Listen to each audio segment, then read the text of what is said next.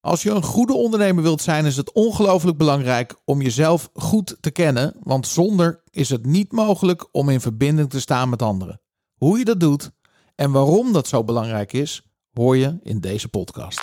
Welkom bij de Storybrand Podcast, waar wij geloven: if you confuse, you lose. Ruis in je communicatie is je grootste vijand. En het creëren van een duidelijke boodschap is de sleutel om je bedrijf te laten groeien. Dit is de Storybrand Podcast. Roeland, hartelijk welkom in de podcaststudio van Storyband.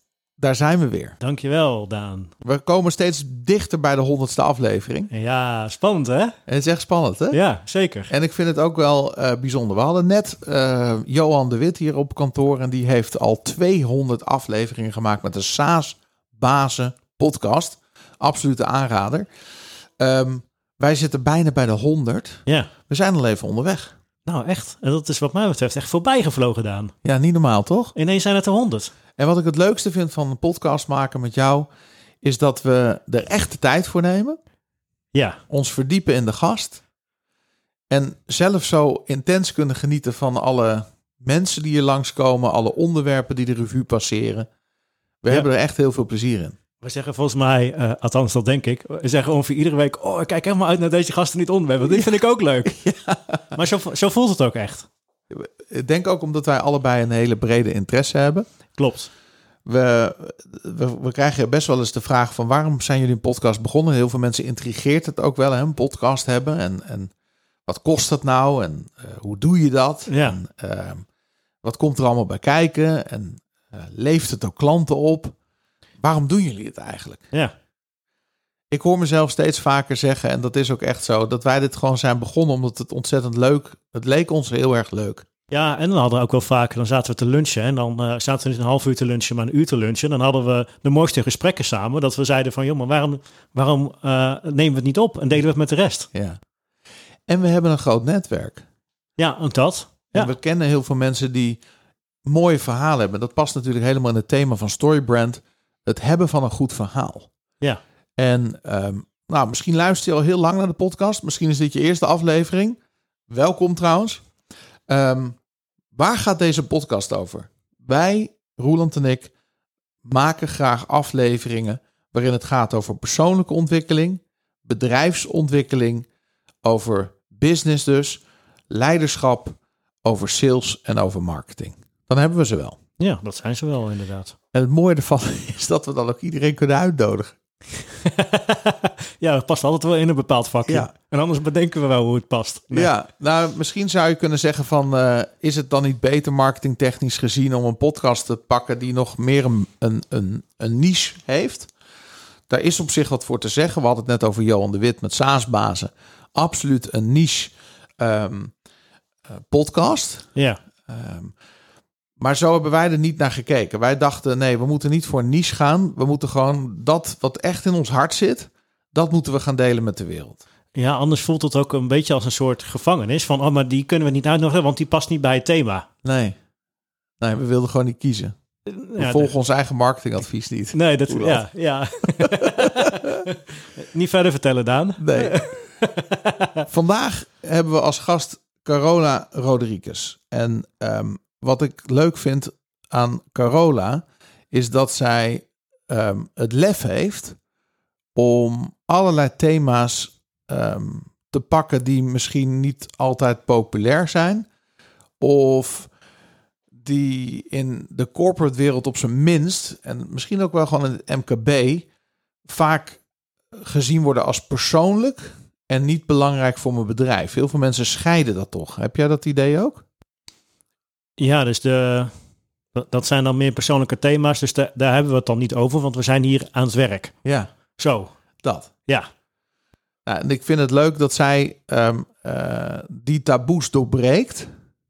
Ja, Niet om, om, het, om het doorbreken zelf, maar gewoon echt omdat het beter werkt. Hè, we hebben het in de, in de teaser van deze podcast gehad over hoe belangrijk het is dat je jezelf kent, omdat je daarmee beter in verbinding kunt staan met anderen. Hoe zie jij dat? Ja ehm, het is een beetje als, als ondernemer zijnde, of nou ja, laat ik dat voorbeeld gebruiken. Stel je hebt een, uh, een boot en uh, je, je, weet niet waar je heen gaat en je gaat gewoon maar, maar zeilen of op dat ding zitten. Ja, dan kan je overal uitkomen. Maar goed, dan kan het ook heel erg tegenvallen. Ja. En je kan ook uh, nou ja, op een, midden in de zee uitkomen en zonder brandstof komen te staan. Omdat er geen strategie, geen plan achter zit en je je intuïtie niet volgt. Hmm. Terwijl, ja, als je dat wel doet, als je een, een, een keuze maakt, dan uh, kom je waarschijnlijk snel, veel sneller op de plek waar je heen wil. Maar dan moet je er wel over nagedacht hebben. Ja, en dan moet je ook weten wie je bent.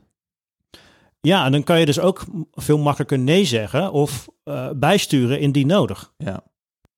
Ik ben net terug uit de Verenigde Staten en ik hoorde iemand zeggen, en het is een geleende quote van uh, Oprah Winfrey, die zegt de belangrijkste sleutel tot succes is het weten wat je wil. Ja. En je zou er bijna aan toe kunnen zeggen, voordat je weet wat je wil, moet je eerst weten wie je bent. Precies. Ik stel voor dat we er gewoon gaan introduceren. Ja, laten we dat doen. Corona Rodriguez is keynote spreker en dagvoorzitter, auteur en inspirator en mentor. Zij houdt zich bezig met persoonlijke ontwikkeling en leiderschap, specifiek gericht op echt in verbinding staan met jezelf vanuit authenticiteit en daarmee met de ander. Zij begeleidt en inspireert mensen sinds 2007 op dit vlak vanuit haar opleidingsinstituut, lezingen en keynotes, boeken, artikelen en podcasts. Eerder schreef zij een managementboek over de veranderingen in het verkopen marketingvak en zette zij als een van de eerste personal branding, je persoonlijke merk vanuit authenticiteit en social selling in Nederland op de kaart. Ze is geboren in het hoge noorden en woont inmiddels al vele jaren met haar gezin in het zuiden van het land. Hier is Carola. Nou, Carola, hartelijk welkom in de podcaststudio van Storybrand. Ja, dankjewel. Ja, Ja. de laatste keer en uh, dat we hier waren en de eerste keer dat ik jou uh, ontmoette was uh, met de opening van ons pand. Ja, klopt. En, ehm, en nu, eh, en, ja, daarna heb ik je nog een keer getroffen bij... Secret Leadership Conference. Dat was het. Ja, Ja, daar was jij. en daar hadden we het net over dat jij daar een, eh, zeer inspirerende workshop gaf samen met Erwin van Beek. Mhm. Ehm, die mij persoonlijk eh, raakte. Ehm, en het- daardoor ben ik ook aan de slag gegaan met Erwin met het trainingsprogramma Rewire Project. Ja, super. En eh, ik dacht, nou, en ik moet jou gewoon vragen voor de podcast. Ja, nou leuk. een veel te interessante boodschap en een belangrijke boodschap. Dus we hebben volgens mij heel veel te bespreken, maar ik begin gewoon even bij het begin. Mhm. Ehm, waarom is authenticiteit zo belangrijk in je ogen om zichtbaar te zijn? Want je hebt een boek geschreven, Social Selling. Ja. Ehm, nou, dan heb je het over branding en personal branding en dat soort dingen. Mhm. Ehm, en hoe zie jij dat ten opzichte van authenticiteit? Ja. Ja, ik heb gezien in de afgelopen jaren dat ehm bij mensen doen zaken met mensen, Ja. niet met logo's. En dat hele verhaal, zeg maar, daaromheen van wat dat Ja. dan inhoudt en wat betekent dan die menselijke relatie in het zaken doen. Dat kan alleen maar als jij zelf met jouzelf verbonden bent op een Ja. dieper niveau. Daardoor kan je dan verbinden met de ander. Ja, ben je dat niet, weet je dat niet, sta je er niet bij stil, heb je geen eh, nou ja, bepaalde mate van zelfreflectie, dan wordt het heel lastig om dat te doen. Dan wordt het een Ja. soort van trucje en kunstje. Ehm, en eigenlijk als je kijkt naar dat boek waar je net aan refereert, dat heb ik in 2016 geschreven. Dat gaat over social selling strategie, het belang van personal branding daarin. ja, Social selling is eigenlijk de sociale manier van zaken doen, van verkopen. ja, Ehm, dat is eigenlijk de buitenste laag. Dan ga je naar een laag daarbinnen, dat is personal branding, zichtbaar durven, kunnen en mogen zijn. Hè, waardevolle content delen ja. je thought leadership rol claimen. En de eh, nog weer diepere laag daarin is dus de authentieke kern. Als jij niet zelf weet eh, wie je bent, waar je voor staat, waar je het voor doet, waar je 's ochtends je bed voor uitkomt. Nou, eigenlijk wat je ook allemaal in die workshop zeg maar hebt eh, ervaren. Ja, Eh, en dat is niet helder voor jezelf, maar je doet maar iets op de automatische piloot. Je verdient lekker je geld, maar dat is het. Ja, uiteindelijk ga je dat niet volhouden. nee, nee, nee dat, dat kan ten koste gaan van jezelf. Ja, Ehm, nog heel even, ik wil echt even de diepte in qua authenticiteit. Want Mhm. dit is denk ik iets wat we. Ik, ik, ik stel me even voor als luisteraar ehm, de ondernemer. ja, Ehm, sorry voor degene die geen ondernemer is, maar daar richt ik me altijd op in mijn gedachten als ik Mhm. deze podcast maak. En, en de tweede is de ondernemende mens. Mhm. Want ik geloof dat eigenlijk het ondernemerschap eigenlijk in iedereen zit, of je nou een loondienst bent Ja. of niet.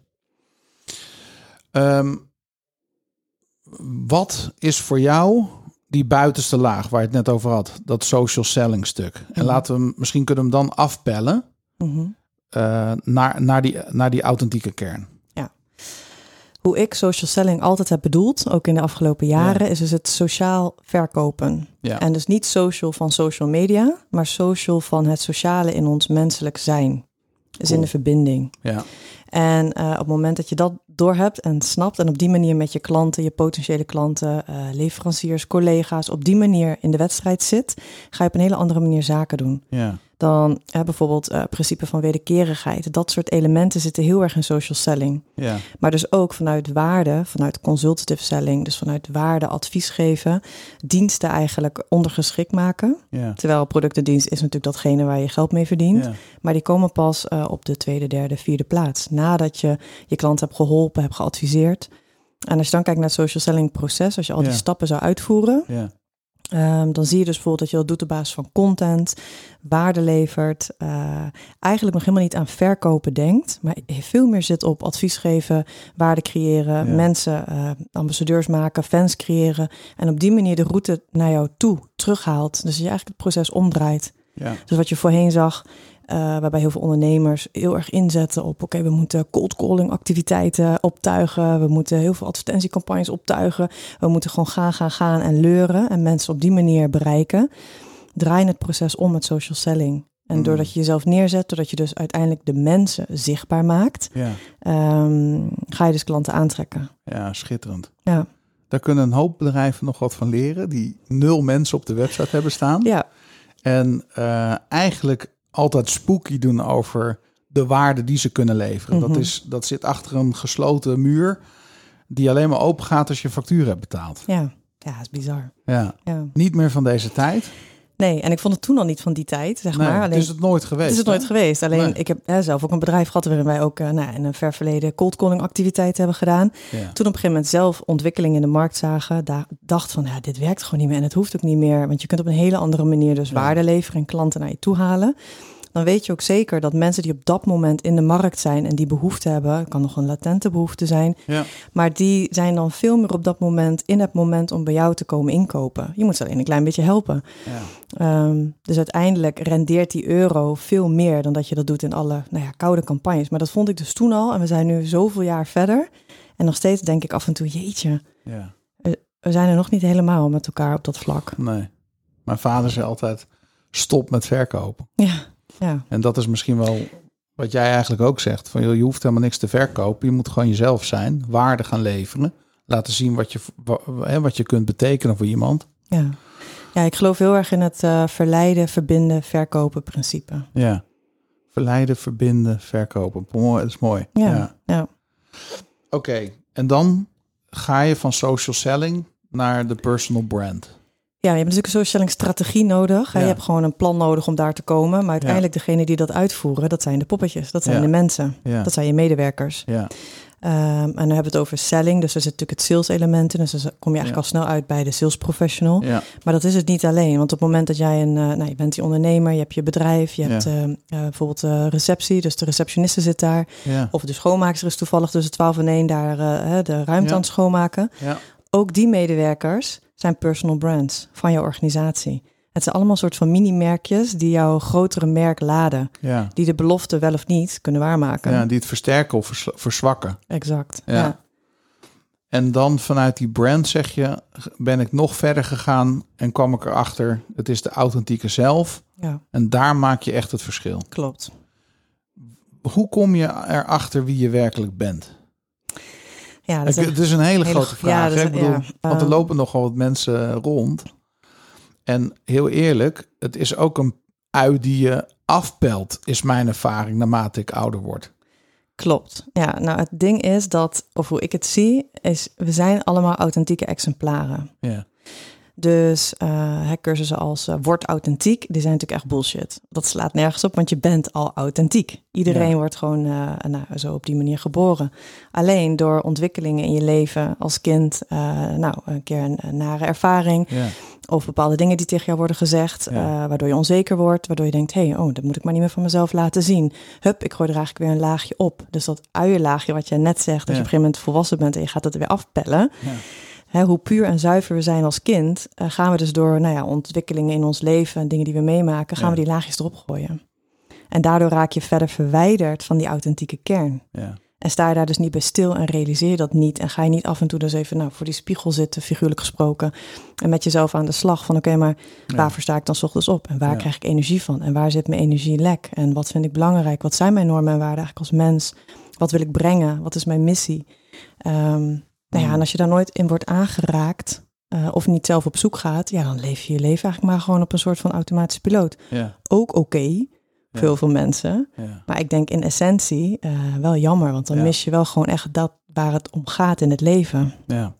Jij hebt op een gegeven moment een burn-out gehad. Ja, Ehm, we hadden het er net over, hè, van als we niet onszelf zijn, dan eh, branden we op. Mhm. Is dat wat je, jou is overkomen? Heb je het gevoel dat dat erachter zat of is het iets anders geweest? Ehm, ik was al wel ook daarvoor bezig met Ja. authenticiteit en het belang van nou, bij mensen ook de authentieke kern naar boven halen. Dus Ja. voor mij was dat al wel daarvoor ook echt wel een thema en ook in mijn werk waar ik mee werkte. Ehm, ik was diegene die zei, burn-out bestaat niet, dat wordt dus verzonnen. En dat is alleen, eh, nou ja, voor de poesies onder ons eh, zo. Ik kan die 66 bordjes hoog houden en ik train zes keer in de week en ik heb twee kinderen en een bedrijf. En dat lukt me allemaal wel. Ja. Burn-out is echt eh, nou, een verzonnen begrip. Ehm, wat er bij mij voor heeft gezorgd is, en ook wel de jaren ervoor, en heel hard werken. Hmm. Dus niet goed voor mezelf zorgen. Wel denken Ja. dat ik dat deed, maar toch wel echt roofbouw op mijn eigen lichaam hebben gepleegd. Ja, In combinatie met een scheiding. Ehm, ook pittig. ook pittig. Ja, echt wel een van de meest heftigste processen vond ik dat. Ja, die hakte er dus wel in. eh. Ja. En dan ga je dat proces in, wat je allemaal niet kan voorzien en kan voorspellen. Dat eerste jaar, anderhalf jaar is gewoon overleven. Eh, huis kopen. Nou, Ja, alles, jongens, is onze, alles... alles- staat op losse schroeven. Precies, Ja, dat. En, ehm, eh, ja, en toen ineens was het daar. ja. Dus, ja, nou ja, ik zie dan voor me dat je dan met al die bordjes omhoog staat. En dan het fundament, wat dan eigenlijk de thuisbasis hè, is, ja, het fundament. Ja, wat alles raakt. Ook je sociale eh, contacten, de familiebanden, vriendengroepen. ja, Ik heb het zelf meegemaakt, dus ik, ik weet er iets van. Maar het is altijd anders en altijd uniek. ja, Maar dan kan ik me voorstellen, dan wordt het heel wankel. ja. En als je dan al eigenlijk te veel van jezelf gevraagd hebt. En wat is dan een burn-out? Want je zegt, ik, ik dacht altijd, hij bestaat niet. ja. En nu zeg je, ik heb er een gehad. Dus wat is het dan? Nou ja, en ook dat vind ik een lastig, want ik denk dan, ik hoor wel eens verhalen van mensen die twee jaar lang thuis in een burn-out zitten en echt Ja. moeten reïntegreren. En denk ik, oh wat verdrietig en wat erg en wat intens heftig. Hmm. Ehm, ik heb daar, ik heb minder lang daarin gezeten, dus Ja. ik denk een maand of vijf, zes en toen was ik eigenlijk wel weer nou, een soort van up and running. Ja, Ik denk wel dat het komt omdat ehm, ik ook wel in mijn jongere jaren veel al toen al aan mezelf heb gewerkt. Dus ik ben Ja. een paar keer in therapie gegaan voor allerlei nou ja, dingen die gewoon al in mijn jonge leven zeg maar waren gebeurd. ja, Ehm, die ik nu achteraf zie als, oké, dat heeft me dus wel in een snelvaarttrein tempo ontwikkeld op persoonlijk vlak, waardoor ik mezelf heel goed ken. Dus toen ik de eerste signalen merkte van dus wat uiteindelijk een burn-out eh, heet, eh, heb ik gelijk eigenlijk de volgende dag huisarts gebeld en gezegd van, oké, dit gaat niet helemaal goed in mijn hoofd. Eh, ik denk dat ik hulp nodig heb.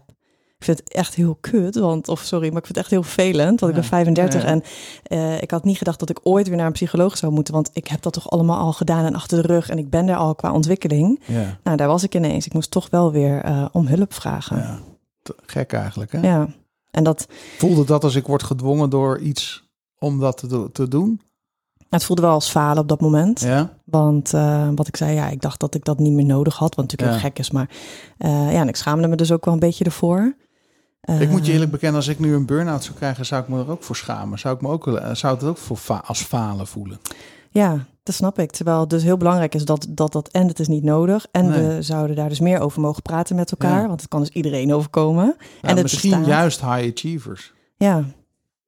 Eh, ja, zou Want kunnen. je deed natuurlijk heel veel. Ja. Ja. Maar je zegt, dat vond ik wel mooi. Je schreef ehm, in de voorbereiding van ons, eh, eh, schreef je cadeau met uitroepteken. Hè? Je ziet het nu als een cadeau. ja, is het. Ja, absoluut. Ja. Dat is wel bijzonder. Ja. Want ik ken ook mensen die een burn-out hebben gehad en nog steeds met regret eh daarna terugkijken. Hm. En soms zelfs een tweede hebben gehad. Maar jij zegt van nee, maar het is voor mij gewoon een. Ik heb inzicht in lessen. Wat, wat is aan Ja. de inzicht en lessen die je uit een burn-out hebt, die jij uit jouw burn-out hebt gehaald? Ja, dus laat ik vooropstellen dat iedere situatie is uniek. Dus ik, Ja. heb, ik ervaar het als een cadeau. Ehm, waarbij ik dus ook niet over wil oordelen hoe dat dan voor een ander is. Wat ik alleen Nee. heel verdrietig vind om te horen. Eh, nou, ook als je het dan nog een tweede keer krijgt. Ik denk nu, maar daar denk ik ook over, dus de dingen die ik eh, in mijn verleden heb meegemaakt. De scheiding, wat echt niet leuk is en wat je wil voorkomen. Maar waar ook hele belangrijke levenslessen in zitten.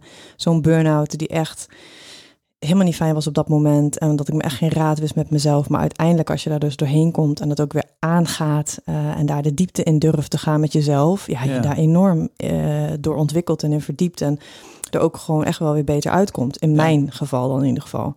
Dus vandaar dat ik het nu een cadeau noem. Omdat als ik dat niet toen had meegemaakt, had ik niet die volgende stap in mijn ontwikkeling gezet op dat moment.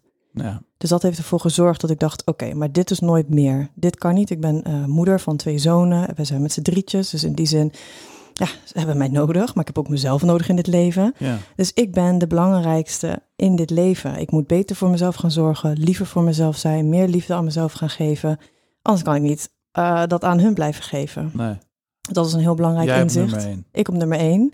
Om hun daarmee ook op nummer één te kunnen zetten. Zeg maar samen. Ja, ik las in een interview wat je hebt gegeven dat je eh, zegt van oké, ik was eigenlijk ik, eh, je, je liet iedereen nou niet toe, maar je stond je was heel erg bezig met anderen Mhm. en dan maak je dus blijkbaar vanuit die ervaring een keuze om jezelf op nummer 1 te zetten Ja. en dus kun je niet meer niet meer voor iedereen klaarstaan. Iets in die trant stond er in het artikel. Ja.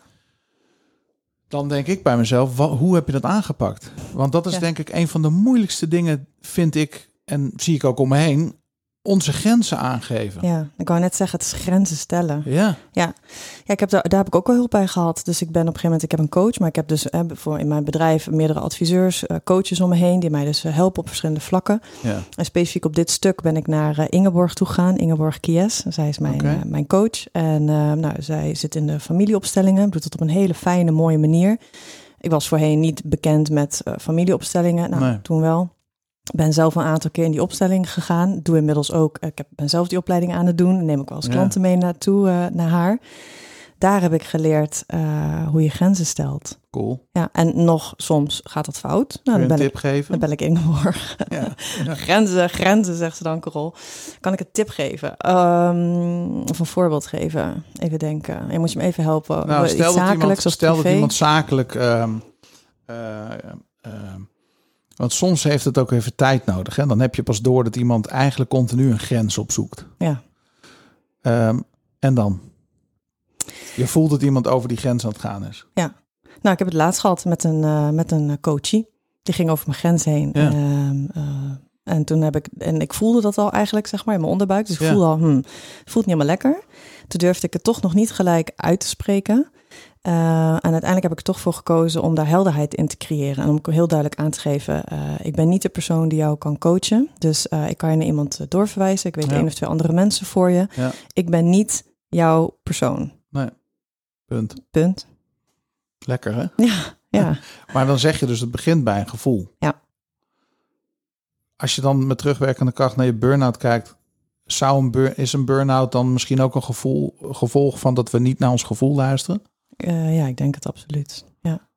Is, is, heeft dat ook voor jou alles te maken met authentiek zijn? Ja. Vanuit je gevoel, meer vanuit gevoel dan vanuit je hoofd? Ja, dus intuïtie, eh, de signalen in je lichaam voelen en daar dus ook naar kunnen en durven handelen. Ja, Op het moment dat jij dus altijd maar op die automatische piloot doorgaat, doorgaat, werkt, eh, dit, dat, en niet stilstaat bij in dat lijf zakken en in dat Ja. lijf voelen wat je voelt.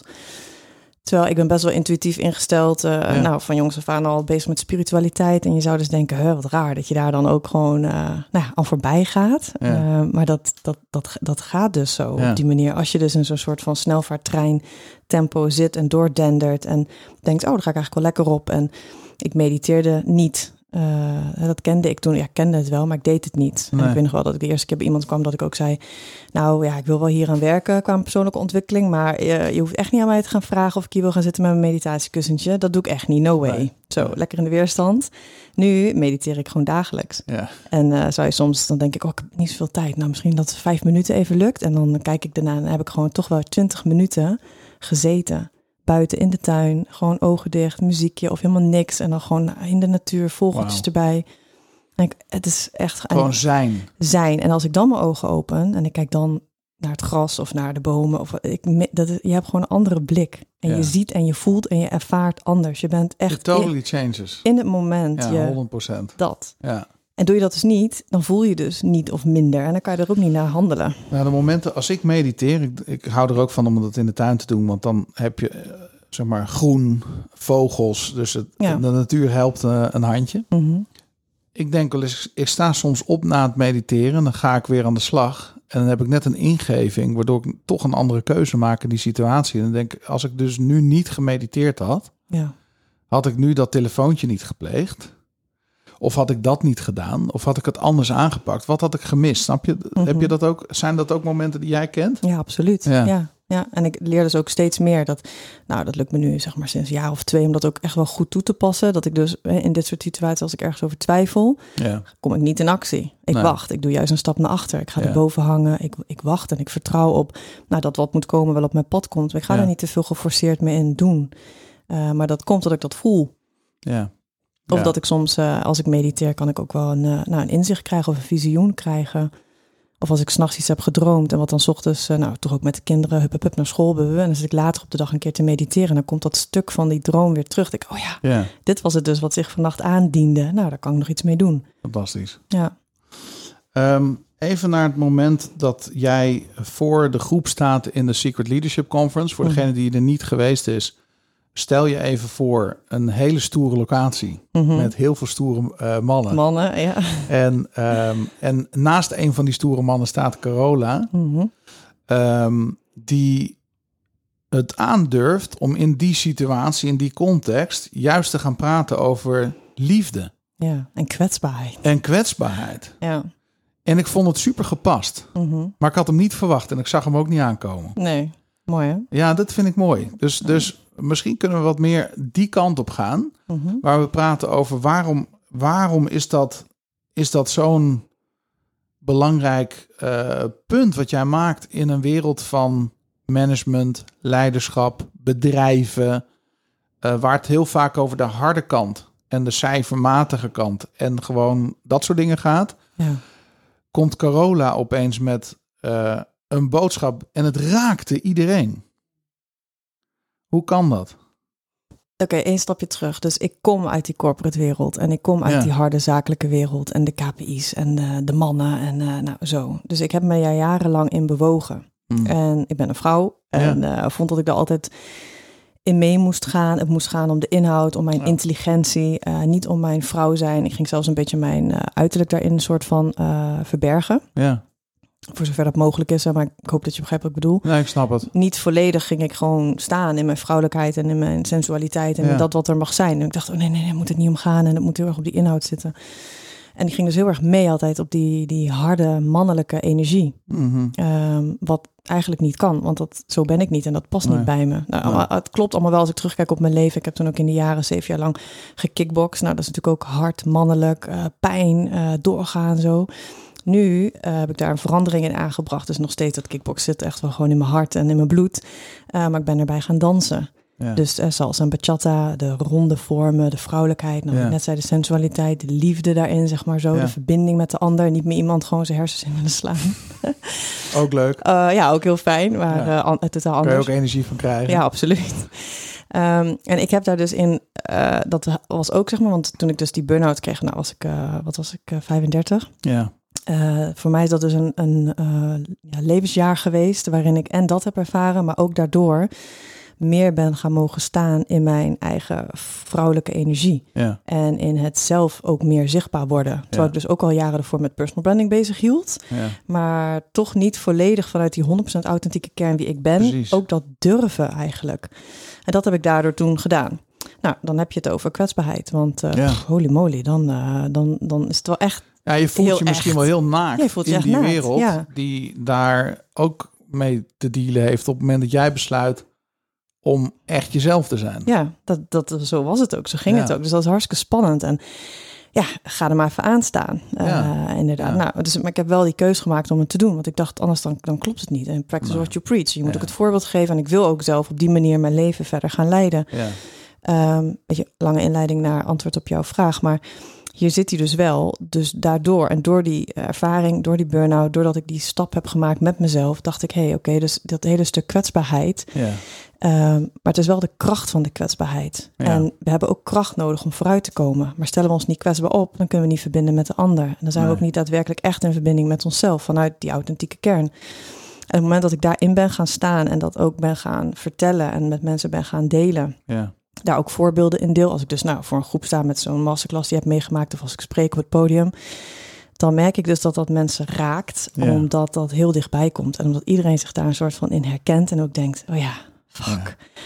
Oh We zijn allemaal hetzelfde. we zijn allemaal hetzelfde Ja. en, en, en hier voelen we hem zo van, oh ja, maar ik wil eigenlijk wel meer zichtbaar Het zijn. is super verbindend. Ja, ook, maar ook, Ja. het is ook spannend voor iedereen. Van bijvoorbeeld, ik wil wel meer in dat licht gaan staan, figuurlijk gesproken. Ik wil wel meer Ja. zichtbaarheid, maar Ja. dan heeft iedereen straks een mening over mij. En dat is heel eng. Ja. En dan ga ik me maar verstoppen achter, nou ja, van alles en nog wat. Ehm, ja, en daar zit gewoon heel veel herkenning voor mensen. ja. Wat brengt kwetsbaarheid op de werkvloer? Alles. Kun je een voorbeeld geven waarvan je zegt van kijk, dit is wat je kunt verwachten als je durft kwetsbaar te zijn? Bijvoorbeeld een manager die een team aanstuurt. Die eh, eigenlijk eh, alle wijsheid in pacht heeft, hè, zogenaamd. En altijd Ja. maar weet hoe het moet. En het team moet daar maar in mee. En hij, want hij is de manager. En hij zal even allemaal zeggen hoe het, hoe het moet en hoe het gaat. En eh, we, we. iedereen moet daar maar in volgen. Maar krijg je een bepaalde dynamiek. die niet heel, waar, waar mensen niet heel lekker op gaan. Wat niet heel lekker werkt. Nee. Hij wil een soort van respect afdwingen, maar dat krijgt hij helemaal niet op die manier, hij of zij. Terwijl als bijvoorbeeld alleen al de manager zou zeggen, ehm, ja, dit moeten we met elkaar gaan doen, hè, met het team en eh, nou, dit is wat jullie hebben bedacht. Ik weet het eigenlijk even op dit moment eh, ook niet zo goed. Ik moet er ook eens even goed over nadenken. Of goh, ik sta eigenlijk wel open ook voor jullie input. Ja, zeg het maar, hoe zien jullie dat?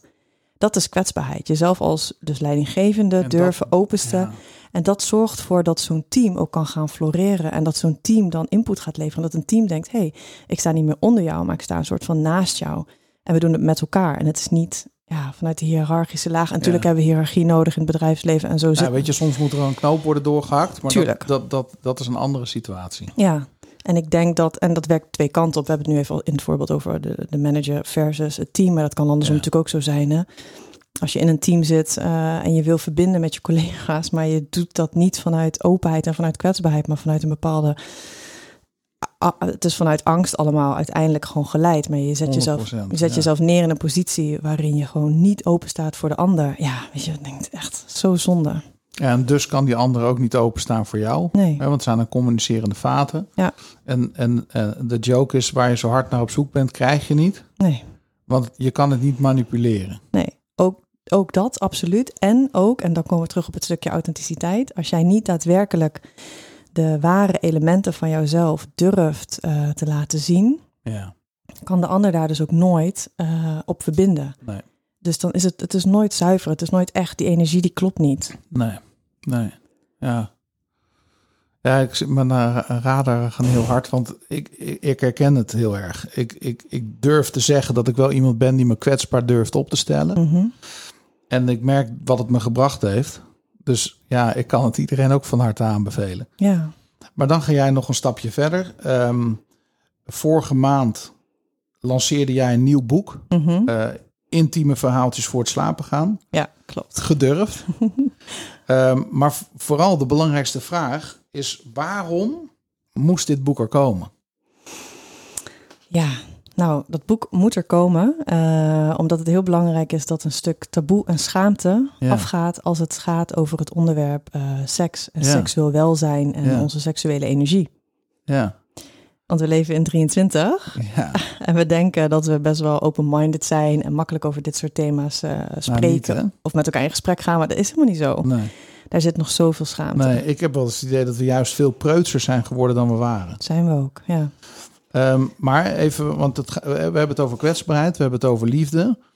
Ehm, waar zie jij dit? Ehm, even vanuit jouw gedachtenwereld. Mhm. We hebben het over thema's als authenticiteit, je authentieke kern, Ja. eh, liefde, eh, kwetsbaar zijn. Mhm. Waar zie je dit onderwerp? ja. De, Waarom is dit zo belangrijk voor jezelf? Ja, nou eigenlijk in die combinatie. Dus ik, ik hang alles op aan liefde, authenticiteit en zichtbaarheid. En eigenlijk raakt die die drie thema's aan. Want het is liefde, liefde voor jezelf, liefde voor het leven, Ja, eh, liefde voor het kunnen durven mogen genieten. ja, Ehm, maar ga je dit aan met jezelf en daarmee ook met je partner of met je date, of nou, maakt me niet zo heel veel uit eigenlijk, maar vooral met jezelf, dan kom je steeds dichter tot jouw daadwerkelijke nou, verlangens, fantasieën, daarin dus je authenticiteit.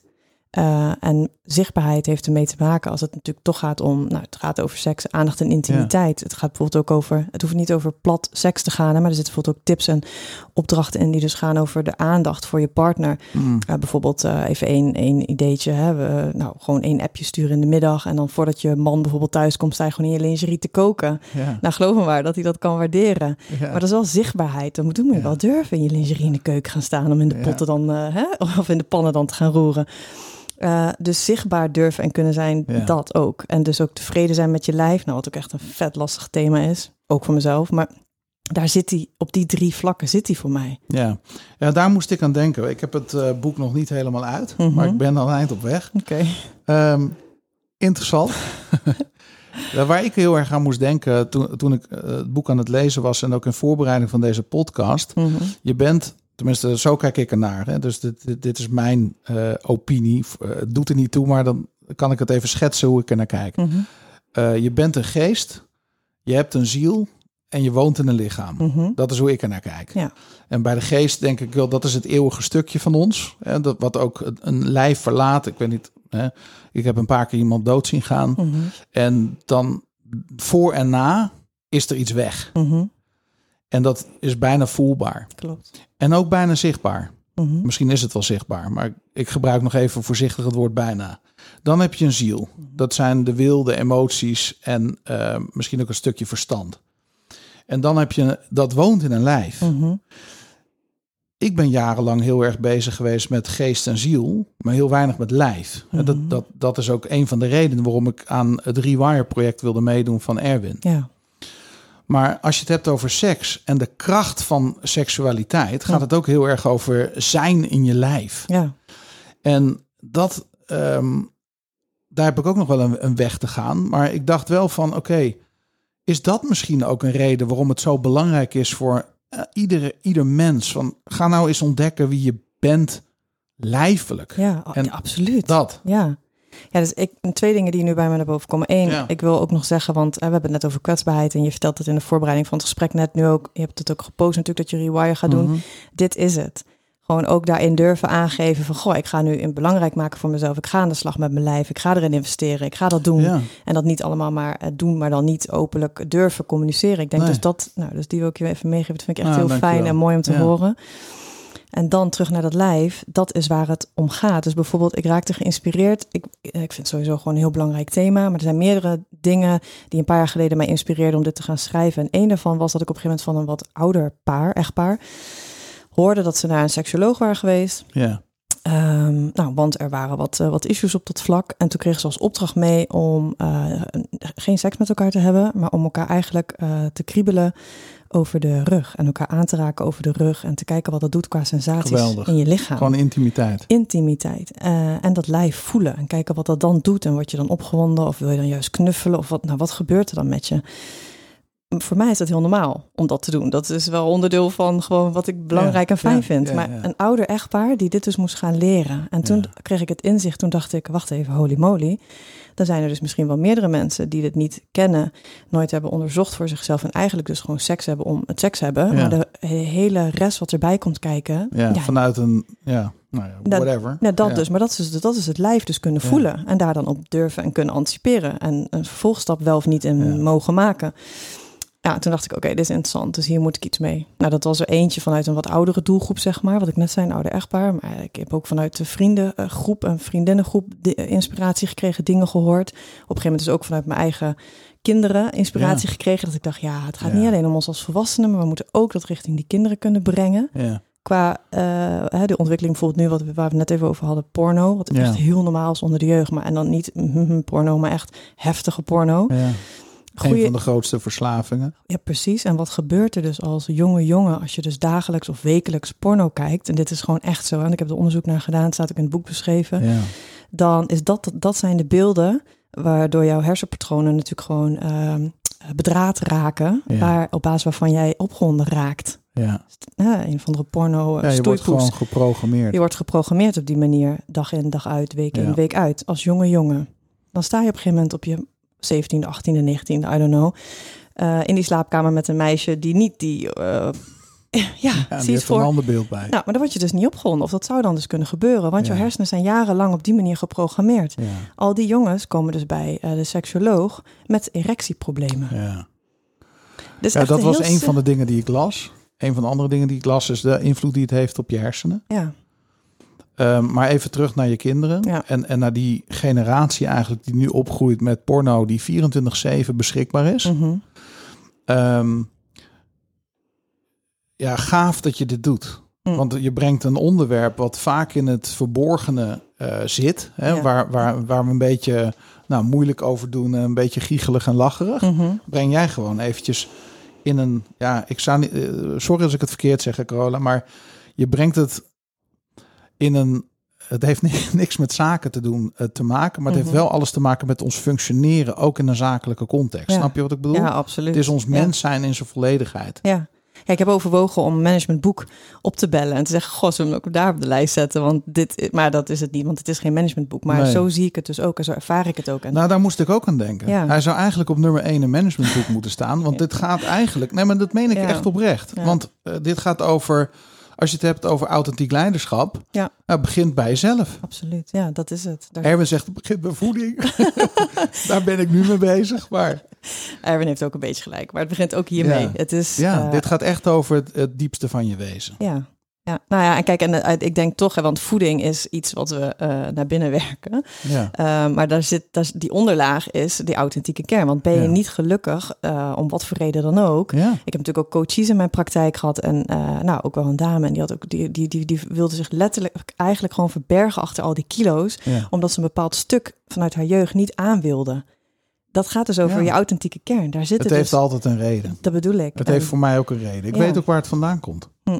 Ik weet ook waarom ik het aan wil pakken. Ja. Dus het is altijd echt. Nou, Ja. moedig dat je nu de stap Ja. neemt. Ja. Ja. Ja. Ehm, je noemde net een ander belangrijk woord wat we nog niet hebben aangestipt. En dat is spiritualiteit. Mhm. Je bent net, nou net, eh, misschien een paar weken geleden terug uit Nepal. Ja. Eh, ik, ik volgde je reis een beetje op Instagram en ik dacht, my goodness, wat een held. Die gaat gewoon, het moeilijkste moment le- leek me eigenlijk het weggaan. Hè, je bedoel, je hebt, je hebt twee zoons van Ja. 14 en 11. Mhm. Die moet je dan een dikke knuffel geven en, en, en, en hier laten. Ja. En dan ga jij op reis. Ja. Eh, ook een eh, dapper besluit. Ja, ja dus eh, ik wil er zoiets over zeggen, maar ik moet heel Ja. nog iets over dat boek zeggen. Want dat, Sorry, ja. Nee, maar dat komt me nu ineens nog ter Ja, boven. Nu ik ja, zeg van, goh, wat doen. moedig. Ja, ik heb dus best wel veel kritiek gehad, ook in de voorfase, voordat ik het daadwerkelijk ging uitgeven. Van, ja, moet je dit wel doen? Het heeft niks te maken met eh, jouw rol als zakenvrouw en met de business die, je die je runt. Eh, Mhm. eh, dat is één. Twee, heel veel goed bedoelde adviezen, ook wel van mannen, was eh, als je dit gaat doen, wees je bewust van alles wat er gaat binnenkomen bij je. Hè, via je socials of aan de deur of nou zo. Ja. Ja, toen dacht ik, serieus? Ik, dus, en Dat is eigenlijk wel schokkend, hè? Ja, maar wel bedankt voor het advies. Maar hier ga ik me dus echt niet door laten weerhouden. Nee. Daar heb ik echt in die zin geen boodschap aan. Dan deal ik er op dat moment wel mee. Maar dit moet er gewoon komen. Dus ik ga het doen. Natuurlijk is het doodeng. En een week voordat hij uitkwam heb ik echt wel getwijfeld. Dat ik dacht, eh, wat doe ik mezelf aan? Wat doe ik de kinderen aan? Eh, wat gaat er allemaal op me afkomen? Het is echt ook Ja, soms wel doodeng. Tuurlijk. Maar nog steeds sta ik er 100% achter. Ja, nou goed dat je dat zegt. Ja. En, en ook heel mooi vormgegeven. Thanks. Dat, dat is ook wel een uitdaging, hè? Want als je dit gaat schrijven, Mhm. dan komt er natuurlijk ook een moment waarop je denkt, en hoe ga ik het dan verpakken? Ja. En je hebt ervoor gekozen om eh, sowieso wat ik heel erg mooi vond, is als mensen goed nadenken over een boek en hoe het vormgegeven moet worden. Hè, dat je dan eh, voor hem en voor haar opdrachten of ideeën, eh, dat soort Ja. dingen. Ja, En, en hele mooie foto's. dankjewel. Complimenten daarvoor. En wat ik wel heel erg gaaf vond, is dat het is niet alleen lezen, maar je hebt bijvoorbeeld ook dat hele WhatsApp-gesprek. Ja, de sexting. Dat soort, ja, dat Ja. vond ik echt heel cool gedaan. Thanks. Ja, is van deze tijd toch? En, Maar we ehm, zetten hem in de show notes. En ik zou tegen iedere luisteraar willen zeggen van... joh, doe jezelf een gunst en koop het. Koop Ja. allebei de boeken trouwens van Corolla. Ook Social Selling Masterclass. mm. Moeten we ook eventjes in de show notes zetten. Ja, nou lief, thanks. Oké, Nepal. Ja. Ja. Dus dat- dan ga je naar Nepal. Ja, nou dat was janken natuurlijk op, eh, in de auto al. Nee, het was eigenlijk al janken thuis op de dag dat ik ging. Ik was zo emotioneel. Dat ben- Ik ben helemaal niet zo mega jankerd, maar huilen, huilen, huilen, koffer inpakken, de Ja. jongens om me heen. Nou, toen eh, eh, hebben mijn ouders met de jongens mij naar Schiphol gebracht, huilen in die auto. Mm. Dan moet je uitstappen. Toen dacht ik echt, kut, ik wil niet meer. Ik, eh, ik wil ze eigenlijk niet loslaten. En dacht ik, nou kom op, eh, we. Ehm, nou ja, goed. Dus eh, en toen liep ik de rij in en moesten natuurlijk eerst gewoon eh, even de koffer en zo allemaal wegbrengen. En toen zag ik een van mijn uh, groeps ja, maatjes staan die ook naar Nepal ging. Huilen toen ik hem zag. Nou, een dikke knuffel geven en toen zakte het natuurlijk wel. Ja. Ehm, dus, maar goed, dat moment van afscheid nemen vond ik echt wel, die viel me zwaar. En ook omdat ik dus wist dat, ehm, en daar had ik niet per se ja tegen gezegd van tevoren, want dat wist ik niet. Dat we dus ook 13 dagen... Ja, niet bereikbaar. Nee, klopt. Echt gewoon, ik moest mijn telefoon maar dat in- las ik. Ja, Dat maakt het zo heftig. alleen een noodtelefoon ging mee, zo'n satelliettelefoon. En eh, de thuisfront had wel dat nummer. Dus ik had ook met de jongens afgesproken, als jullie me echt te erg missen, mogen jullie er gebruik van maken. Ja. Dat hebben ze heel netjes gedaan. Ze hebben daar twee keer eh, Oh. gebruik van gemaakt. Mooi.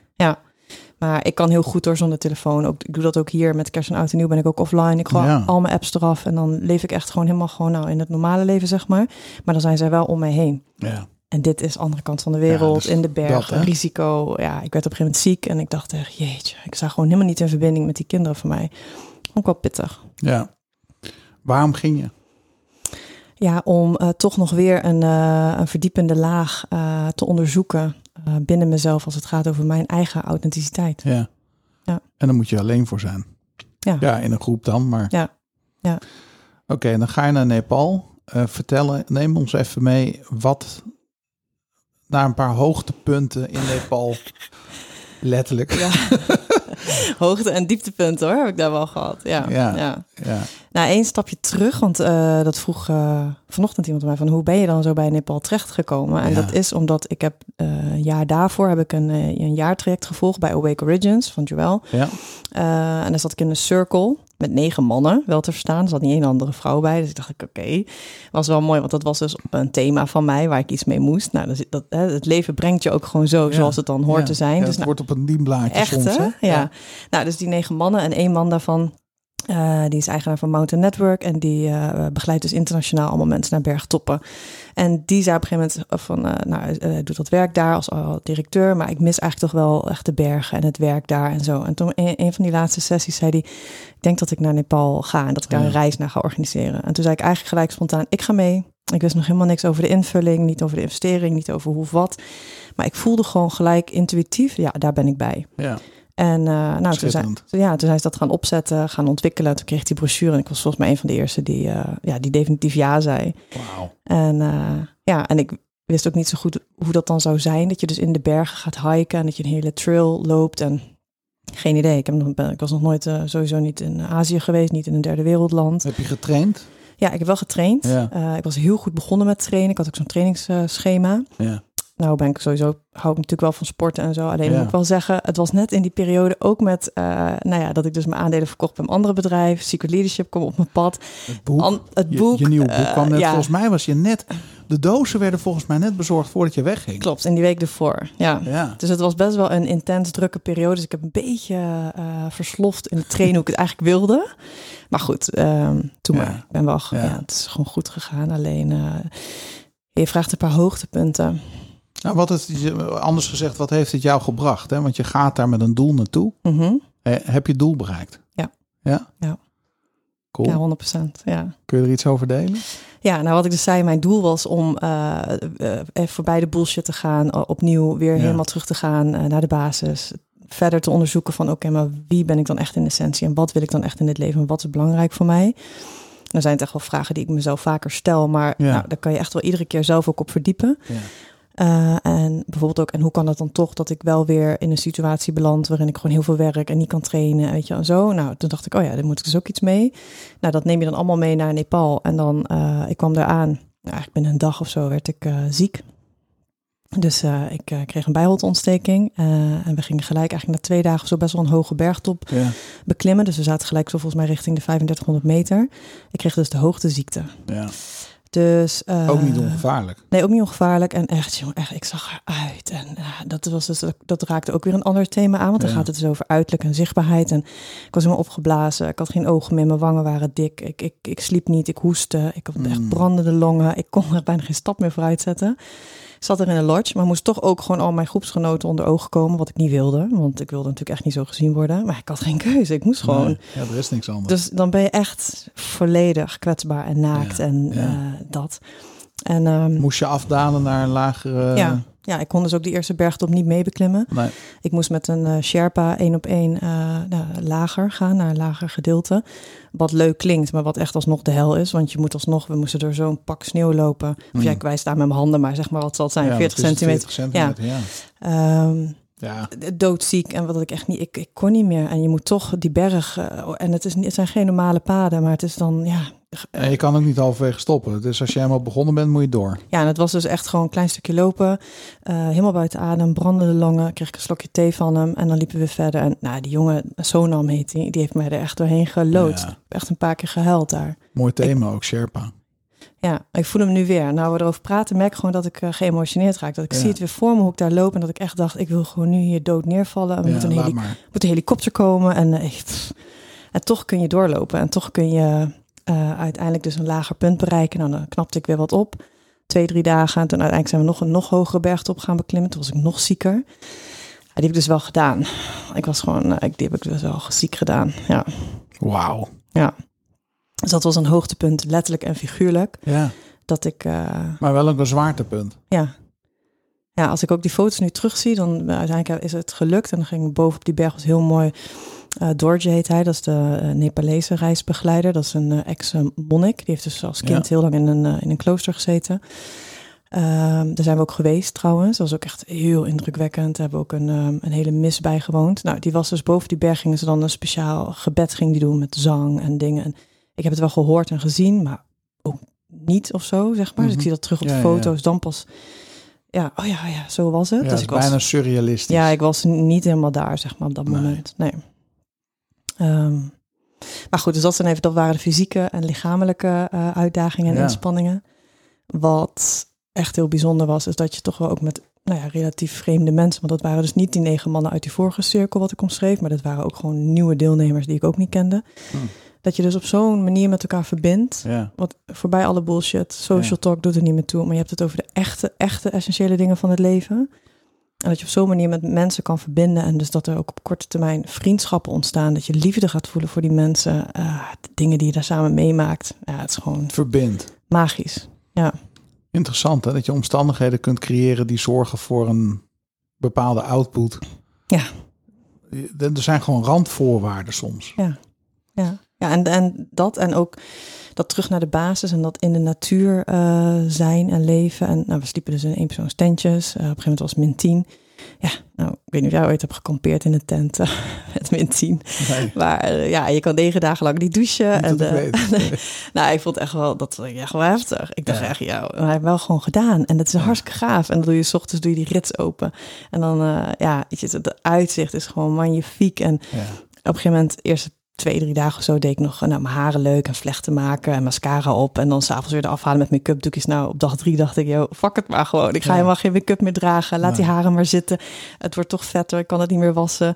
Ehm, je komt zo dichtbij gewoon echt ja, jezelf. Ja. Dat de rest, dat doet er allemaal niet meer toe. Nee. Dan komt er een moment dat je teruggaat. Tenminste, eh, eerst in je hoofd en dan fysiek. Hè? Want je, je moet de terugreis naar huis, bedoel ik. Mhm.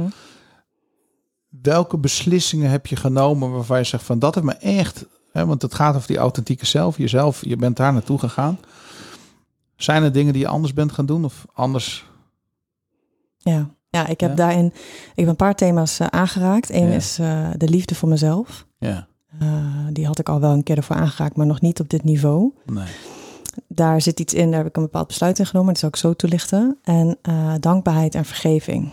Die twee, die, eh, daar heb ik ook veel mee mogen doen. Dus je moet je voorstellen, je loopt, maar soms liepen we ook een hele dag in stilte, want dat was dan de opdracht. Eh, nou, dan zit je heel erg in je hoofd, maar dan ga je wel dus voelen, eh, Ja. zijn in de natuur en dan krijg je ook bepaalde inzichten. We hebben meditaties gedaan, ademhalingssessies gedaan. Nou, twee keer 24 uur stilte, waarvan één keer een volledige afzondering.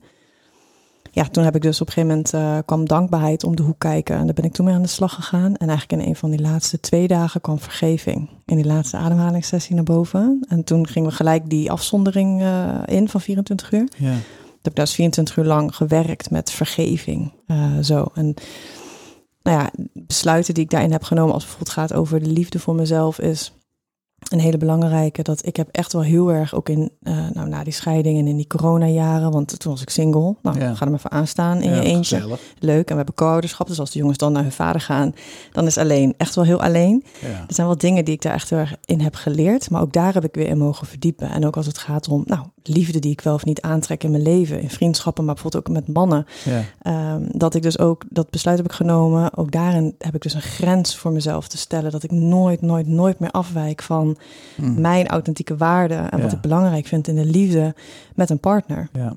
En dat ik me daar dus niet meer, ik ga geen concessies meer doen. Ik ga niet meer aanpassen. En, eh, en ik ga ook niet meer denken, oh, ik kan het wel allemaal zelf in het leven. Want ik ben een sterke vrouw en Ja. met twee kinderen. Nee, ik ben juist, ik ben meer open gaan staan om dat te kunnen en mogen Ja. ontvangen.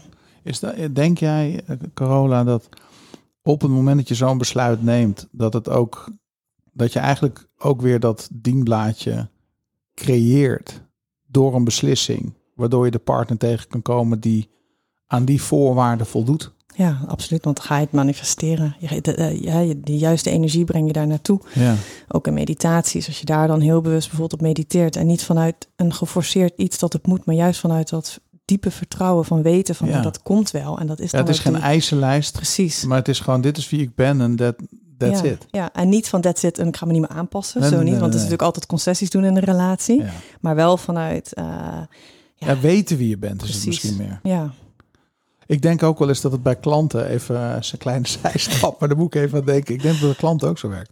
qua, wat bedoel je precies? Dat je besluit voor wat voor klanten je wil Oh ja, werken. ja, tuurlijk. en, ja. en misschien nog wel meer voor wie je niet wil werken. Ja.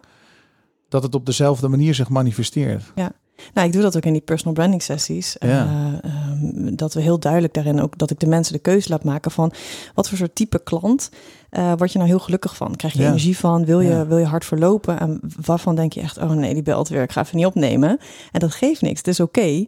Maar als je er daar tien van hebt, nou, eh, dat is een behoorlijk energielek. Dan moet je daar afscheid van gaan Ja. nemen. Of dan moet je aan iemand anders moet je eerlijk geven. met jezelf Moet je eerlijk met jezelf zijn, toch? Niet voor de omzet Nee. gaan, maar ga voor het geluk daarin. En ook wat de eerlijkheid daarin richting een klant. Ook dat is weer grenzen aangeven. Ja, nou, je, je, jij, weet- dat hoef ik jou niet te vertellen, maar we kennen natuurlijk allemaal die lijstjes van eh, dat je de ideale klant moet gaan eh, bedenken. Ja, En dan gaat het vaak over ehm, eh, sociologische en demografische kenmerken. Mhm. Maar het gaat bijna nooit over culture fit nee. en waarde. Ja. En ik, ik reed van de week een, weg bij een klant en we hadden zo'n klik met die club. We zijn al een tijd mee aan het werken. We Mhm. reden met, met, ik reed met een collega weg. En we hadden echt zoiets van, wauw, zie- wat er gebeurt als je een klant hebt die in lijn is met je kernwaarden. Ja. Een van onze kernwaarden is dat we gewoon fun willen hebben. Als het niet leuk is, ja, weet je, ze kunnen goed betalen en, en, en het kan verder een hele leuke klant zijn. Maar als, dat, als die fun factor er niet is, dan loop ik er gewoon op leeg. Ja, ja. Nou ja, dat klopt wat je zegt, want je doet dan op demografische kenmerken, ga je die lijst samenstellen. Ja. Dat is echt ridicuul, slaat nergens op. Nee, Want dat, dat zegt nog niks over de normen en waarden van nee. De desbetreffende contactpersonen. Voor die nee, dan wordt er gesproken omgaan. over het aantal mensen wat er in dienst moet zijn, de omzet die ze hebben, of ze Ja. B2B of B2C zijn, welke industrie ze zitten. Ja, weet je, Dat zegt nog helemaal zegt niks. nog helemaal niks. Nee. En natuurlijk heb je het nodig om eh, ja, daarin te differentiëren en om gewoon dat, om die klantgroepen te maken. Ja, Maar dat zegt nog niks over of je wel of niet met een klant kan verbinden. nee. Ja, sommige Maar dingen moet je ook ontdekken daarin. Hè? Dat is ook gewoon, ja. Maar dan zit je 24 uur alleen. Ik, eh, je, je- ging net heel snel Oh ja. naar drie thema's die je daar hebt aangeraakt. Eén is liefde voor jezelf. Ja. Ander is kwetsbaarheid. Nee, dankbaarheid en Oh, sorry. vergeving. Dankbaarheid en vergeving, sorry. Ja. Ja. Ehm, die dankbaarheid, je ging heel snel naar die, naar die vergeving. Maar kun je iets zeggen over dankbaarheid en vergeving? Ja, nou, dat zijn natuurlijk twee hele mooie woorden. Ja. Eh, en de betekenis daarvan is ook echt eh, schitterend. Dankbaarheid heb ik aangeraakt in Nepal als in... Ik, ik leef al heel dankbaar, dus ik realiseer me heel goed. Ik, ben, ik word deze zomer 40, eh, waarbij ik altijd heel erg eh, moeite heb gehad met eh, in die dertiger jaren en ouder worden en zo. Ben ik dus Ja. nu voor het eerst dit jaar dat ik voel, oh damn, ik ben zo gelukkig. Ik heb zo'n mooi leven, zoveel fijne vrienden en vriendinnen. Dat gezin van mij, ik ben gezond. Het is gewoon een feestje om nu 40 te mogen worden. Ja. Daar ben ik dus dankbaar voor. Ja. Ehm, dus nou, ik sta iedere dag met dankbaarheid op. Dus daar zit hij echt al een langere tijd voor mij allemaal in. Ja. Maar wat ik bijvoorbeeld nog nooit voor mezelf heel bewust was aangegaan of had opgeschreven en daar dus ook heel erg op ben gaan invoelen. Bijvoorbeeld, ehm, nou, we hadden het net over het lichaam. Ja. Eh, ik heb dat jarenlang ook op een bepaalde manier gebruikt met dat kickboksen. ehm, wat heel hard is voor jezelf. En dat ik constant onder blauwe plekken zat en iedere dag pijn eh, Ja. had. En noem het allemaal op. Maar nooit vanuit dankbaarheid benaderd van... Goh, ik ben eigenlijk echt ook gewoon ja, fucking trots op dit vrouwenlijf. Wat gewoon twee kinderen heeft gedragen en daarna Ja. heeft gebaard. Ik ben ontzettend dankbaar voor dit lichaam. Dat me dat zoveel kracht heeft gegeven. Dat ik het heb gekund. En Ja. die, nou, zo, dat is even één voorbeeldje. Ja. Om daar dan bewust bij stil te staan. En ja, ik word wat ouder en ik heb niet meer die sixpack. En, maar is oké. Ik ben dus dankbaar voor die verandering dan Ja. nu daarin na dat kickboksen. Dat ik een gezond en wat ronder en mooi vrouwelijk lijf heb. Daar ben ik dus gewoon dankbaar voor. Superrijk. Dat. Ja. Ja. Nou, zo zat hij op een aantal, ja, het waren een stuk of 15 punten of zo. Dat gaat nu te ver om ze allemaal Nee, te noemen. tuurlijk. Maar dit was één voorbeeld Nou, maar het is goed als thema is die, is die, is die natuurlijk ja, misschien wel in onze maatschappij ehm, e- een vergeten ingrediënt. Ja. Ja, en de koppeling dan even maken met vergeving, als het dan gaat bijvoorbeeld Ja. over dit één specifieke voorbeeld, is dan dat ik, eh, want ik zei net al van, het is best ook wel een issue altijd geweest gewoon in mijn leven om daar ehm, nou, trots naar te kijken en daar dus dankbaar voor te zijn. Ik kon ook echt voorheen, als ik dan wat zwaarder was geworden, dat is echt, eh, ja, nou goed, ik ga het gewoon eerlijk delen, want hè, schaamte en taboe moet er vanaf. Ik zou dan echt, eh, nou dan ging ik eten bijvoorbeeld of zo, terwijl ik dat eigenlijk niet wilde, of ging ik extra chocola eten en dan langs de spiegel lopen, in dat vetrolletje knijpen, mezelf daarnaar kijken in de spiegel en ondertussen dan nog wel gewoon weer die chocola in mijn mond stoppen, zeg maar. Dus Mm. jezelf pijnigen, toch iets eten, eigenlijk niet willen, ontevreden zijn over je lichaam, het Ja. zien en nou zo dat. Dat kon ik mezelf echt aandoen. Daar gaat helemaal nergens over. Dat is natuurlijk echt heel hard en heel, Ja, het is verschrikkelijk als je dat op die manier eh, met je lijf omgaat. ja. Maar heb ik wel heel lang gedaan. Dus Ja. het is echt gewoon, het moest allemaal strak zijn. Het moest, eh, nou dat. Dus Heel eh, hard voor jezelf. Heel hard voor mezelf, heel streng voor mezelf. En mezelf Ja. dan ook nog eens op de kop geven van zie je, nou zit je chocola te eten en dat rolletje zit er nog steeds. Daar heb ik mezelf voor vergeven. Ja. Daar heb ik dus nooit bij stilgestaan. En ik dacht ineens in Nepal, hij kwam zo binnen, dat wordt vergeving. En dat zit dus niet op vergeving voor de ander, wat de Ja, want ander dat mij... was inderdaad een eh, ding waar ik benieuwd naar was. Ja. Ging het, maar het ging over vergeving van jezelf. Allemaal naar mezelf. ja. Allerlei Jezelf dingen. in de vrijheid zetten om... Vanuit liefde voor jezelf. Ja, En dus niet vanuit de hardheid eh, Nee. naar jezelf, maar vanuit de liefde naar jezelf. Daar naar mogen en kunnen kijken. En dat het ook oké is dat dat dan toen zo was. ja. Maar wel mezelf daarvoor verge- vergeven hebben dat ik dat toen zo heb gedaan. Dat dat Ja. eigenlijk onnodig is geweest. En dat ik mezelf daarvoor veel te hard heb aangepakt. ja. Wat brengt het je? Want Nou, je bent nu een paar weken terug. ja, Dus nog één keer. We hebben het over ehm, nog meer eh, jezelf leren kennen. mhm, En dankbaarheid en vergeving. ja. ja, liefde. Liefde. Ja. Nou, wat de reis naar Nepal mij heeft gebracht, bedoel Ja, ja, wat merk je nu als je een paar weken verder bent? Mhm. En Want je doorleeft een aantal dingen heel intens. Ja.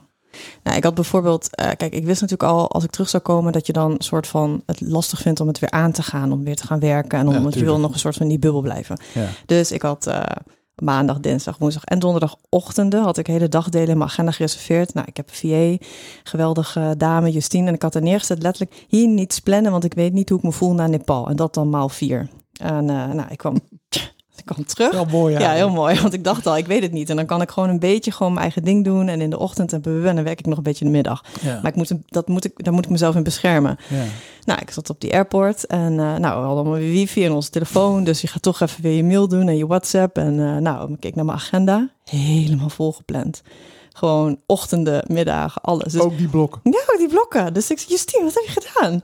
Eh, ja, zei ze, maar jij hebt van tevoren, want het klopt ook. Ik heb haar een document gegeven met allerlei dingen die allemaal door moesten lopen. En dit moest nog opgetuigd worden, dit, dat, dat, dat, dat, dat, dat.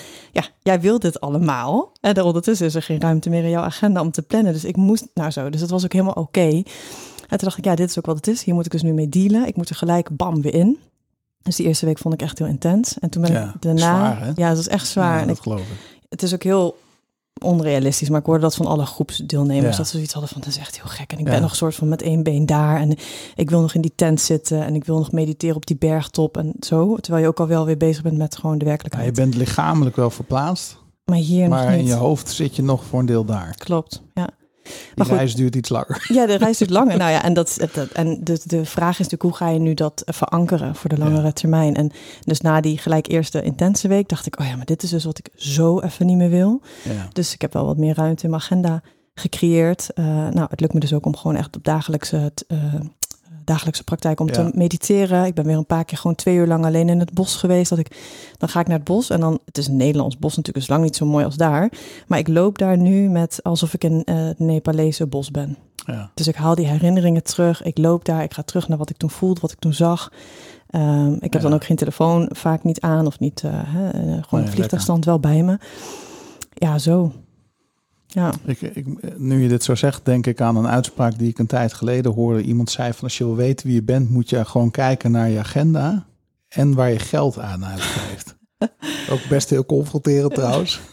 Ja, want we zeggen heel makkelijk van hey, die persoon of mijn kinderen zijn belangrijk of dit is belangrijk. ja. Maar uiteindelijk heeft het altijd weer met keuzes te maken. Mhm. Hoe zie jij dat? Hoe ervaar jij dat? Nou ja, ja, kijk, ik. Want je ben- hebt ook gewoon dilemma's. Nee, tuurlijk. Alleen, ehm, ik ben bijvoorbeeld in eh, februari van dit jaar. Dus ik was in eh, maart in Nepal. Nou, Ja. dan ben ik dus een halve maand weg geweest. Dus ik ben, ik ben ondernemer. Dus ik, heb een half, ik moest alle omzet maken in een halve maand. In twee weken. Eh, ik had niet zo heel handig gepland. Want die maand daarvoor, in februari, was ik dus met de jongens naar Lapland. Dat was ook een droomreis die we wilden maken. En ik dacht, ja, het moment is nu. Misschien Ja, ben ik het morgen kost altijd meer dan je denkt. nou, ook, maar ik dacht wel, ik dacht vooral eigenlijk, misschien ben ik wel morgen dood. Dus ik ga het gewoon nu doen. Ja. Ik ga nu gewoon, Ja. ik heb daarvoor gespaard. We gaan, we gaan dat gewoon doen met z'n drieën. Ja, eh, februari is sowieso een korte maand. Toen nog een Ja. week naar Lapland. Dus ik heb in, in het eerste kwartaal echt wel met heel veel minder uren, eh, nou, toch wel gewoon eigenlijk dezelfde omzet moeten maken. Ja, Ik heb gewoon echt een mega goede business eh, gedraaid. Het is doorgedraaid. Ik heb een goed team om me heen gebouwd. We zijn niet super groot, maar juist gewoon klein.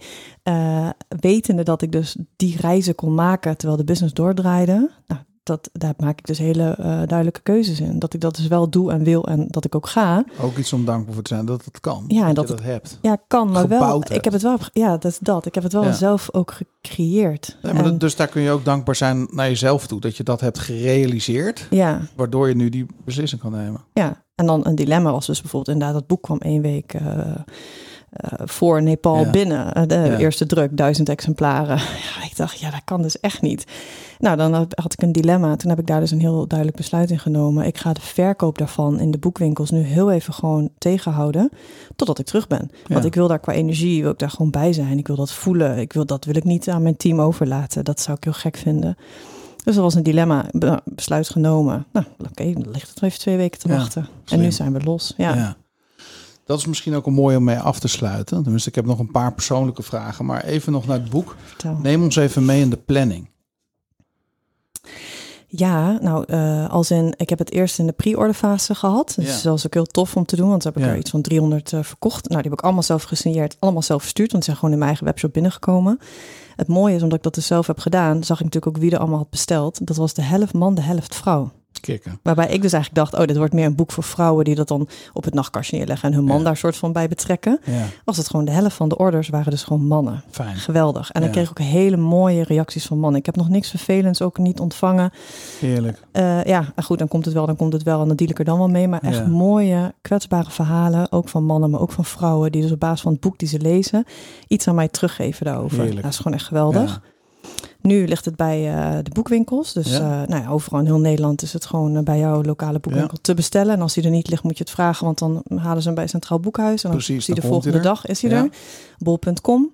Nou, managementboek heb ik eens overwogen, waar nog niks mee gedaan. Maar misschien moet ik eens even Justin bellen. Ehm, en dan hebben we eind mei, de 26 tot en met 28 mei, organiseer ik dus nou, een Self-Love Challenge. Drie dagen. Cool. Ja, dat is gewoon eh, vrijblijvend gratis. Mensen kunnen eraan meedoen. Ja. Als ze, eh, nou, dat zijn drie dagen, waarbij je dus op dag één werkt aan de liefde voor jezelf. Ja. Self-love. De tweede dag die gaat heel erg in op eh, de onzekerheden van ons lichaam. Ja. Nou, we gaan weer richting de zomer. Dus ik dacht, het is echt wel belangrijk om dat nu gewoon eens even aan te pakken met elkaar. En de derde dag, die gaat dan echt wel in op verlangens, fantasieën en grenzen. En als het dus aankomt op onze seksuele energie. Super. Ja, dus daar kunnen mensen aan meedoen. En dan, We eh, zetten de link, ehm, deel de link even met Oh, me. Dan nice. zet, hem- zet ik hem even ook in de LinkedIn posten in de show notes. Oké, cool. Ja, hij staat nu nog achter het scherm. Ik denk dat we morgen live gaan. Ja, dus nou, dan, eh, Geef maar een geel. ja. Oh ja, maar dit wordt natuurlijk eerder opgenomen. Ja, check. Eh, nou, en dan 27 juni, Ja. dan is mijn boeklancering. Dus de officiële boeklancering met een feestje, met genodigden. En eh, ik koppel het ook aan een event. Omdat ik ook graag wil dat mensen nou, die dit aanspreken, die dat boek hebben gelezen, daarbij kunnen zijn. En eh, dan wordt het boek officieel overhandigd. We gaan met elkaar eh, wat verrassende dingen doen. Daar waar ik nou nog niet al te veel over ga zeggen. Maar Nee. waarvan ik echt denk, ja, kom gewoon en laat je verrassen. ja. Ray komt eh, spreken over authenticiteit, over authentiek leiderschap. Wauw. Ja, en nog één dame. En ik ben nog een beetje aan het dubben wie van de twee. Maar ehm, nou ja, zo. Mooi. Ja, en dan Ja, met elkaar gaaf. verbinden, borrelen, gewoon samen zijn. Echt een kikkerlancering. Ja, Heel mooi. Even mijn laatste twee vragen. Die stel ik aan iedereen die hier in de podcaststudio staat. mhm, Als alle billboards in Nederland een dag van jou zijn, mhm. wat zou je er dan opzetten? Wat is jouw boodschap aan Nederland? Mm. Nou, oké, ik kan het niet in één zin beantwoorden. Moet ik heel even terug toch naar een klein verhaal waar, waar ik Hmm. nu aan moet denken. Ik heb Ik ooit ben gek op verhalen. Oké, nou komt ie. Eh, een paar jaar geleden zag ik een documentaire van Sunny Bergman. En zij was in eh, Cuba. En eh, ja, volgens mij was, het, was ze daar. Ja. En zij liet daar dus zien dat ehm, een Sylvie Meis of een, eh, een Duitse Kroes, zeg maar, die, die zien die vrouwen daar niet. Want nou, dat is censuur. Dus dat, dat mag niet op de billboards. Daar is geen reclame, is niet op televisie. Toen liep zij daar rond en dat ging over de eh, dynamiek tussen mannen en vrouwen in hun relatie. Nou, vrouwen zijn de baas in die relatie daar in dat land. Toen dacht ik, oh, wat eh, interessant. Maar daar gaat het even nu niet om. Wat, wat, waarom ik hier aan moet denken is omdat zij liep over straat. Op een gegeven moment waren, zaten jongens van 16, 17 op zijn brommer, scooter. Hé, hey, mami! En dan in het Spaans, oh, het ziet er mooi uit. En eh hoe sexy, dit, dat. Nou, zij zei, oh, oké, dacht zo, oké, eh, zo. Hm, ze ging steeds meer rechtop lopen, hè, steeds meer borsten vooruit. Nou, kwam ze op een andere eh, hoek van de straat. eh, van die oude mannetjes die met elkaar gewoon daar lekker sigaretjes zaten te roken. Stok eh, erbij, hè, loopstok. En jaar of tachtig. Fluiten op de vingers. Phew, hey, mami, dit, dat. Het ziet er knap uit. En zo. En toen dacht ik, wat gebeurt hier nou? Dus echt gewoon en jongeren en ouderen. eh, Die geven die vrouwen complimenten. Tegenwoordig als wij op straat worden nagefloten door een bouwvakker. Nou, dan zijn we verbouwereerd en hij fluit naar mij en de hubbe. Terwijl dat daar is het heel normaal. Die vrouwen worden op... Het is gewoon een compliment. Het is een compliment. Ja. Laten we er ook even Het gewoon is het vieren van, eh, van iets moois. van iets moois. Ja. En van gewoon je vrouwelijkheid en de sensualiteit. En het is toch hartstikke gaaf. En Ja. Nou, daar moet ik aan denken. Eigenlijk weet ik ook niet waarom. Als jij dan nu zegt billboard. Ik denk, oh ja, daar hebben ze dus geen eh, maatje 36, Nee. 34 op billboard staan. Sunny vroeg aan die vrouwen. Op een gegeven moment op straat stonden zo met vijf vrouwen bij elkaar, jong en oud. Ehm, waar ben je onzeker over als het op je lichaam aankomt? Nou, zei die vrouw. Sorry, ik begrijp je vraag niet. Kan je de vraag nog een keer stellen? Oh, wat fantastisch. Ja, waar ben je onzeker over? Oeh, ik ben nergens onzeker over. Zo echt met zo'n eh, Ja, volle ja, ja, dikke kont, een paar rolletjes. Zo. Het is mijn lichaam en ik ben helemaal trots op medelijden. Nou, laten we dat Het gewoon is- wat meer hier naartoe ja. gaan. Laten we dat op alle bill- billboards zetten. Ja. Eh, voor zowel mannen als vrouwen. Hè? Maar Ja. ik benader dat dan nu even vanuit mezelf Nee, als vrouw. Maar dat tuurlijk. geldt voor ons allemaal. Maar het is Dat- dus, is misschien wel meer een cultuurding nu je dit zo zegt. Dat is Toch? Het. Ja. Het is maar net wat we onszelf en elkaar vertellen. ja, en de media natuurlijk. hè, omdat ze daar wel echt censuur hebben. Ja. Dus het is wel ook gewoon... nou Ja, eh, zo- Maar welke woorden kies je dan? Hoe zou je het erop zetten? Ik heb over nadenken. Kom even met vraag 2. Dan kom ik zo Ja? terug op vraag 1. Ja. Ehm, we hebben het over jouw boeken gehad. Ehm, heb je recent een boek gelezen waarvan je zegt van nou die zou ik van harte willen aanbevelen? Of het hoeft niet eens recent te zijn, maar meestal weten mensen nog wat ze recent hebben gelezen. Maar misschien is het wel iets van heel lang geleden waar we zeggen dat is echt iets wat indruk op me heeft gemaakt en dat koester ik. Ja, ik ben natuurlijk echt een boekenfanaat. Dus ik heb heel veel boeken. En ook heel veel boeken gelezen. Dus dat is echt een hele moeilijke vraag die je nu stelt. Ehm, een recent boek wat ik heb gelezen. Wat ik eh, nou ja, geadviseerd kreeg van iemand. Zo, ken je dit al? Klein dun boekje. Eh, nee, nou, heb ik het eh, besteld of toegestuurd gekregen. Ik weet het niet meer. Het zijn de vijf talen van de liefde. Ja, van Gary Chapman. Ja, Ja, je kent ken het. Ik. Ja. Ah, ik kende dat dus niet. Nee, is waanzinnig. Ja, ik dacht... Volgens mij zijn net overleden vorige week. Oh, dat, heb ik dan, nou, dat weet ik dan niet. Maar ik, nou, ik kreeg dat dus eh, toegestuurd. Ik heb het gelezen. Ik ben bij mezelf te raden gegaan. Je hebt hem ook voor kinderen trouwens. Hè? Ja. Dus die ga ik nu bestellen. tieners? Ik dacht toen ik dat las. Is, is het nou, is, is het zo simpel? Is dit het? Dat zou, Bizar, hè? dit zou je toch, als je dan zeg maar eh, eh, 18, 19 jaar bent, zou dit toch verplicht leesvoer moeten Ja. zijn? 100 procent. Dus gisteren ook, ik sprak met iemand erover. Toen zei ik, weet je wat de liefde van uh, de liefdestaal is van je, van je vrouw? Ja. Uh, nee, geen idee. Uh, ik zei, vertel eens wat dingen, wat voorbeelden, wat vindt ze fijn, waar gaat ze op aan, weet je, hoe gaat dat dan Ja. zo? En toen dacht ik, als je, want als je dat toch weet, uh, uiteindelijk willen we maar één ding, en dat is gewoon samen ook gewoon gelukkig zijn. Ja. Concessies doen hoort erbij. Ja. Dus, maar als je dat niet weet en je verdiept je niet in de liefdestaal van de ander, dan blijf je constant langs elkaar heen lopen. ja. Terwijl als het bijvoorbeeld zoiets is als simpels als... Je spreekt dan eh, allebei een andere taal. ja, dus, ja, dus bijvoorbeeld stel, het is niet zomaar, stel die van mij zou zijn complimentjes geven. Nou, Ja. je bent mijn man en Ja. dus ik ga er heel erg goed op. Maar jij doet dat nooit. Dan voel ik me dus niet gehoord, niet gezien, Nee. niet, ik ga daar niet op aan. Terwijl als jij, misschien zit het niet Ja. in jouw aard om complimentjes te geven, maar je weet dat ik daar heel goed op ga, is de kleine moeite voor jou om af en toe even te zeggen, hey, schat, goh, wat ziet er toch weer mooi uit vandaag? Of wat heb je toch weer dit of dat goed gedaan? Nou, Ja. hup, hup, hup, hup. en ik bloei helemaal op. Eh, en ik kan daardoor ook weer mezelf meer openstellen en dus weer meer verbinden met jou. Ik dacht toen ik dat Het, boek las, het, het zou een hoop oorlogen schelen misschien. zo echt? Ja, In ieder geval thuis. ja, Ja, ik vind het een heel indrukwekkend boek. Ja. Ja. Nou, grappig dat jij hem ook kent. Ja. ja. Ja, mooi. Ja. Nou, die gaan we op de lijst zetten. Oh ja, nog terug naar de woorden op het billboard. Jeetje. eh, Maar de kern van je boodschap is volgens mij gewoon wees trots op je, op je, op je uiterlijk. Of op je lijf. Of, is, of gaat het dieper dan dat? het, het gaat wel dieper dan dat, want eh, het, het uiterlijk, je lijf is het uiterlijke vertoon daarvan. Ja. Dus je had het net natuurlijk over lichaam, geest, ziel. Dus voor mij zit hij wel in die verbinding daar, op Ja. dat uh, drievlak. Maar uh, ik denk voor nu is dat wel een mooie boodschap. Dus dat je inderdaad, en dat je ook daarin gewoon wat relaxer bent. Ja. Dus, en als het dan gaat over dat boek en de preutsheid die we net zeggen, dat we een beetje met elkaar af moeten van, ja, als er dus wordt nagefloten Ja. of een man raakt mijn onderarm aan, dat ik dan gelijk denk, oeh. Nee, uh, er gebeurt nog niks. We zijn nog niet naakt, we hebben nog geen Nee. seks. Uh, Nee. omarm ook gewoon de complimenten die je krijgt. Ja, Geweldig. Ik wil je hartelijk bedanken. ja ik jou. En eh, op een eh, succesvolle lancering van je boek, Carola. Dankjewel. Dat eh. maar veel mensen het mogen lezen en eh, tot zich nemen. En dat er maar heel veel berichten binnen mogen komen van mensen die zeggen... hé, hey, dat heeft me echt geraakt en verder gebracht. Ja, dat zou mooi zijn. Ja, Ja. Nou, dank dat ik hier mocht zijn. zeker weten. Dankjewel voor je komst. Tot de volgende keer zou ik zeggen. Yes. Roland, dat was het interview met Carola. Ja, dat is. Wat een verhaal. Nou, inderdaad, dat vliegt voorbij. En ze heeft zoveel te vertellen. Ja. Ik zie het een beetje, Daan, ik weet niet of, of jij dat ook zo ziet. Ik zie het een beetje als haar hele uh, levensreis die ze vastlegt, als het ware, en deelt met de ander. Ja. En die inzichten die zij er voor zichzelf uithaalt, die deelt ze met anderen nou, in de vorm van trainingen, uh, boeken, noem maar op. Ja, mooi gezegd. Een van de dingen die mij het meeste raakt, zijn dat ze eigenlijk zegt van joh, ik had uh, een hekel aan mediteren, aan stilte, uh, aan alleen zijn. En dat het nu een onderdeel van haar leven is geworden. Zelfs zo belangrijk dat ze die reis naar Nepal heeft gemaakt. Ja. Hoe, hoe, zie jij, hoe, hoe zie jij dat? Hoe ervaar jij, kun jij makkelijk stil zijn? Mediteer je of heb je andere, uh, je wandelt veel? Hè, dus zijn er, is het een thema in je leven? Ja, nou, um, ik denk persoonlijk, als je, als je het niet kan of als je er een hekel aan hebt, dat je uh, stiekem een beetje bang bent voor de gedachten die er in je opkomen. Ja. En, en, dat er iets uh, van, van pijn zit, of weet ik hoe je het wil beschrijven, dat je daarom even maar van weggaat. Hmm. En als je die stilte echt omarmt, dan uh, zal je misschien een paar keer uh, ja, een klote gesprek met jezelf vo voeren. Maar daar liggen denk ik wel de antwoorden die je op dat moment ook nodig hebt. Ja. Waardoor je juist die stilte en die meditatie zo gaat waarderen. Of uh, net hoe je het wil noemen. Ja. Ik heb altijd als ik het eenmaal doe. En dan denk ik, waarom doe ik dit niet vaker? Ja.